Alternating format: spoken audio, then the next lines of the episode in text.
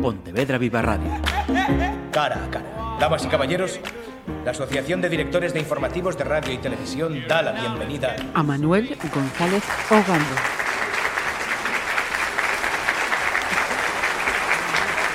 Saúdos. Poñémonos en situación. Paulo González Ogando é profesor de matemáticas no IES Xoan Carballeira de Bueu E este mes ven de editar con Xerais o libro Bocados Matemáticos. O primeiro, Paulo, benvido e grazas eh, por respostar a nosa invitación. Moi boas e grazas a vos por contar comigo. Mira, em, así, directo, sen paños, que ocorre cos matemáticas para que, falando coloquialmente, teñan tan mala prensa? Bueno, realmente eu creo que aí hai unha conxunción de varios factores eh, que leva a moita xente a ver as matemáticas dunha forma negativa xa dende os seus primeiros anos. Uh -huh. Por un lado está que xa escoitan falar mal dela, tal cal, falar mal, dende que son rapaces, E se non se dan ben, sempre hai un pai, unha nai, un tío, un primo máis maior que están aí para reforzar esa idea negativa de dicir, pois a min tamén se me daban mal, e que son moi difíciles, e iso xa crea unha certa predisposición a, uh -huh. a que non lle gusten as matemáticas. Ben, e teño, teño leído que pode producirse un bloqueo emocional hacia a súa aprendizaxe. E eh, chócame ver emoción e matemáticas nunha mesma frase. Isto isto é posible, Paulo? Eu creo que é algo moi real, algo que pasa e que eu vexo frecuentemente nas aulas. Xente, rapaces, rapazas, que teñen un bloqueo no sentido de parecer que non queren aprender, que ven as matemáticas diante e a súa primeira reacción xa é isto non o sei, isto non vou ser quen. Non me quero esforzar porque non vou ser capaz de leválo adiante. E é algo que está de feito moi de actualidade porque a próxima lei de educación que se está preparando nestes momentos uh -huh. inclúe entre, entre os seus contidos unha referencia un obxectivo relacionado precisamente coa xestión emocional tanto nas matemáticas como en outras materias, algo que ata o de agora non contemplaba a, a lei que temos vixente. Ajá. Uh -huh. Eh, veremos a ver o que, a ver, o a ver que, o que sabe, sí, a ver o que sabe de aí. Mira, eh, entón, con isto que estamos a falar, eh, na túa tesitura como profesor de, de matemáticas, o tes máis difícil que outros compañeiros, entón. Non sei se tanto como máis difícil, pero sí que é certo que ás veces custa un pouco chegar ao alumnado, chegar a conectar con eles.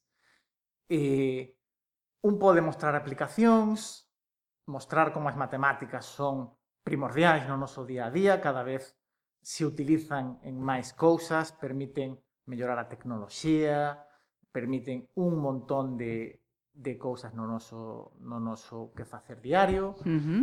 pero non sempre é fácil de explicar, porque as matemáticas que subxacen en moitos avances realmente son complexas, teñen mm. mm. dificultade. Explicarlle a alguén matemáticas avanzadas en un minuto non estaba ao alcance de calquera. De aí realmente a dificultade de facer unha boa divulgación das matemáticas, uh -huh. eh, a dificultade de conectar, de, de facer conseguir ver a súa, a súa implicación e a súa importancia. Uh -huh. Eh, o certo é que eh, gusten máis ou, ou menos como ti avanzas, eh, estamos rodeados de matemáticas, e máis no, no século XXI. Eh, a tecnoloxía eh, economía, lóxicamente, eh, disciplinas artísticas, eh, como a música mesmo, xogos de azar, prediccións do, do tempo. Eh, poucas cousas escapan xa as sí, matemáticas. Sí. Non vou dicir que as matemáticas están detrás de todo, porque mm. sería faltar a verdade, pero sí que están detrás de moitas cousas. Algúnas son moi evidentes e outras non tanto. Pero son moi importantes, as matemáticas permiten realmente avances, permiten mellorar o noso, o noso benestar. Entón, a miña, a miña pretensión é precisamente poñer iso en solfa e conseguir que se a xente recoñece ou é capaz de ver as matemáticas que hai detrás de algúns dos obxectos que utiliza ou da predición do tempo, uh -huh. etcétera, que consiga dar, facer unha valoración máis óptima da, da importancia que son as matemáticas. Probablemente, a maioría da xente, seguro, a maioría da xente, non vai utilizar as matemáticas no seu día a día, uh -huh. ou polo menos non moitas das matemáticas máis alá de cuestións máis básicas. Uh -huh. Pero, se é quen de valorar a súa utilidade, a utilidade que lle dan outros e que chega a xente de forma indirecta, eu creo que a valoración e a importancia que lle vai conceder as matemáticas pois será un pouco máis xusta. Uh -huh. E que, mm, mentras eh, está, estamos a comentar isto, eh, eh, pensaba nun exemplo, non? Eh, imos mercar, sexa un supermercado ou sexa un comerzo de, de ropa. Sí. Eh, entramos Cada produto, cada prenda leva unha etiqueta cun código de barras eh, que identifica de onde ven, cando se fixo, ta, ta, ta, números. Eh, imos pagar tarxeta, o, o se en cantidade, en dinero tamén te, temos que, que contar. E que, mm, aínda que non o paremos a pensar, eu convido que un día fagamos a proba, non? Que vayamos pensando e vendo cada cousa que facemos e onde hai matemáticas... Sí. Eh... Efectivamente, e esas só son as visibles. Sí, sí, sí, Hai sí. moitas máis que son invisibles se un non ten a mirada adestrada, entón é que nos rodean realmente. Uh -huh. E algunhas son moi básicas, pois eso, na, no carro da compra vemos como pois descontos por aquí, descontos por alá, unha oferta, saber discriminar cal é a mellor oferta, eh, que non nos enganen se nos aplica unha porcentaxe de desconto, cousas como entender que para facer este famoso día sin IVA que fan algunhas empresas, uh -huh. se o IVA supón aumentar un 21%, cando hai que facer o día sin IVA non hai que restar o 21% o prezo total, uh -huh. porque entón non nos queda a mesma cantidade da que partimos. Uh -huh. E vese que hai empresas que queren aplicar o día sen IVA e, sen embargo, fan mal a conta. Uh -huh. Pois pues, eh, eso pasa uh, os que os que non tenemos tan, sí, tan claro, sí, que envexa. E está, está comprobado que hai empresas que fan mala conta. Eh? Entón, unha cosa que queda, creo que patente e clara a máis con ese exemplo que acabas de poñer é que unha boa aprendizaxe axúdanos a xestionar as circunstancias que, que imos ter diante na, na vida. Eso acaba de quedar patente, vamos. Eu creo que sí, dende logo. Eh, xa non só exemplos numéricos, da, eso, as contas, as contas da casa e demais, senón pois tamén ser capaz de analizar probabilísticamente uh -huh. que é máis probable que me suceda unha cousa que me suceda outra e eh, tomar decisións en función uh -huh. desa análise. Entón, son moitas as ferramentas que proporcionan as matemáticas. Tamén está a resolución de problemas. Obviamente, os problemas da maioría da xente non son matemáticos. Pero as matemáticas... Oh, sí, eh, que estamos nun momento moi complexo. Sí, algúns hai, algúns hai, pero bueno, hai moitos que non o son. Uh -huh. Entón, a resolución de problemas para que nos adestras matemáticas. Ajá.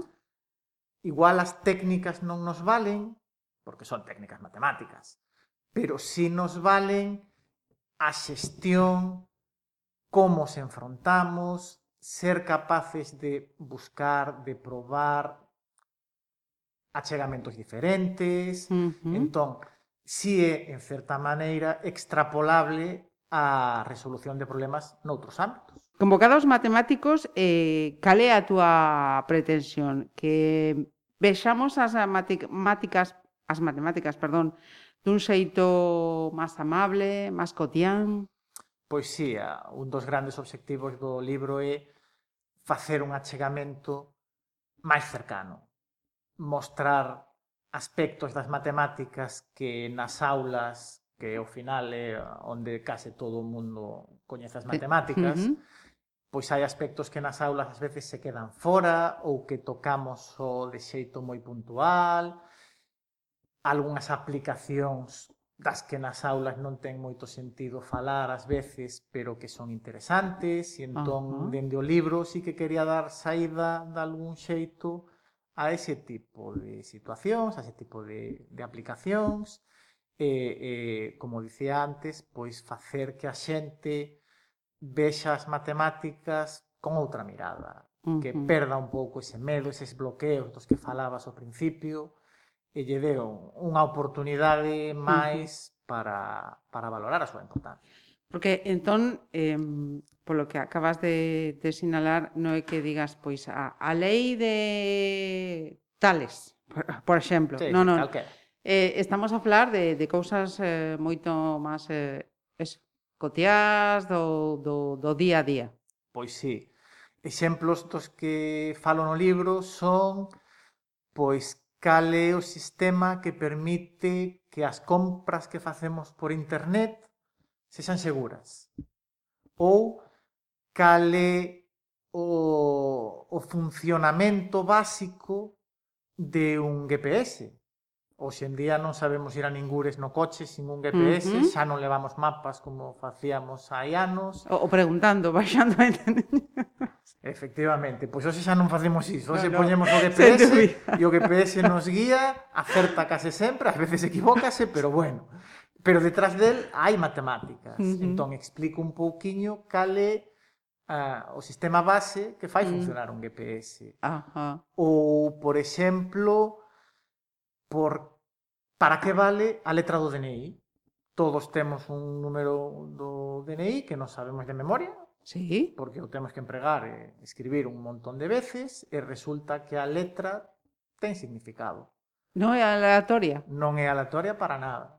Permite detectar erros ou falsificacións de alguén que intentase poñer un número ao azar E así conseguese saber se o número que se escribiu é correcto ou non. Anda. E detrás están as matemáticas, está a que chamamos aritmética modular, aritmética do reloxo. Ignorantiña que eres, Mariseña, nes todas matemáticas. Canto teño que aprender aínda. Eh, outro exemplo que si sí teña visto por aí que calquera que este a escoitar va a decir, este eh, é o meu. Pensemos no, no balón de fútbol os xornalistas somos os primeiros en decir o esférico. Pois non. Non, non é esférico de todo. Achégase moito a unha esfera, pero pero hai aí unha pequena diferenza leve, pero que é apreciable se si collemos un balón nas mans. Uh -huh. Ainda así, non todos os balóns son iguais, ao longo dos anos ten habido moitos modelos diferentes, pero detrás de todos eles están as matemáticas eh, cando hoxe en día se presenta un novo modelo pois, para un Mundial, para unha nova edición da Champions, a ben seguro que a empresa que o saca fixo antes moitas probas e fixo moitos cálculos e moitos números para comprobar pois como é o voo do balón, a súa resistencia ao aire, E bueno, logo ás veces os futbolistas quedan contentos e outras, outras non tanto. Ás veces teñen excusas a, para o mal rendemento. Creo, creo que no, no Mundial de Suráfrica eh, hubo polémica co, co tema do, do balón, precisamente. Eh, ou seja que os pentágonos, eh, hexágonos, ten o seu porqué, non? Nos dibuxiños do balón. Non é que alguén dixera Mira que ben queda. Efectivamente, sí, non, non sacaron da manga ese, ese deseño, sino que uh -huh. está baseado nunhas, nunhas matemáticas das que precisamente se fala, se fala no libro. Ajá. Eh, o libro, Paulo, eh, vai dirixido a algún grupo de idade ou é axeitado para calquera?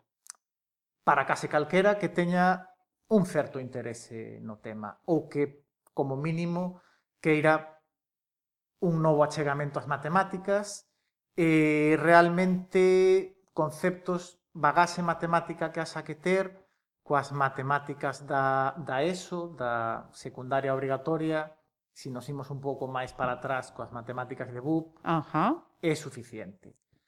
E ainda diría máis, chamase bocados matemáticos o libro, porque esa idea de bocados para min era que calquera lector ou calquera lectora que se achegase a este libro puidera picar de aquí, picar de alá, tomar un bocado, tomar outro, como un menú de degustación local. Uh -huh. Nun menú de degustación temos moitos pratos, se un non nos apetece moito, podemos deixalo que non imos quedar con fame. Uh -huh. Pois aquí igual, neste libro non é imprescindible unha lectura lineal. De feito, unha persoa podería dicir, pois este apartado non me atrae, ou xa o coñezo, ou faíseme moi difícil. E podería saltalo. Ah, ah. E a lectura do libro non se vai ver perxudicada. Hmm. Pica de aquí, pica de alá. Eh, eses petiscos, non? Así... Exacto, petiscos, uh -huh. tal cal. Ben, eh, os alumnos, por certo, xa tiveron ocasión de botar unha ollada. Que dir? Algún que outro xa se me achegou con el na man. Sí, sí, sí, que sí, sí. E que tal? A impresión? Moi ben, moi ben. De feito, eu dígolles que logo a todos os que me viñeron o que lles comentei foi que me teñen que dar a súa opinión, sea boa ou sea mala. dale, dale. Eh, eh, para que estea a escoitar, onde está a, a venda, Paulo? Pois na librería de referencia de cada cal, uh -huh. se non o teñen, eh, encárgase eh, nun par de días ou tres teñen a súa disposición. Perfecto. Ou seja, que non será porque non hai librería onde atopala. Efectivamente, temos que seguir mantendo uh -huh. o, o espírito dos libreiros que tamén traballan. E falando do espírito, eh, deste caso do, do libro, non só fala de matemáticas. Tamén está escrito en galego e non é unha cuestión deixada ao azar. Aquí sí que tampouco hai azar. Efectivamente, eh, a día de hoxe en Galicia na ESO, na educación obrigatoria pola que pasa todo rapaz e toda rapaza, as matemáticas teñen que impartirse obrigatoriamente en castelán. Tamén pasa iso coa física e química. Uh -huh.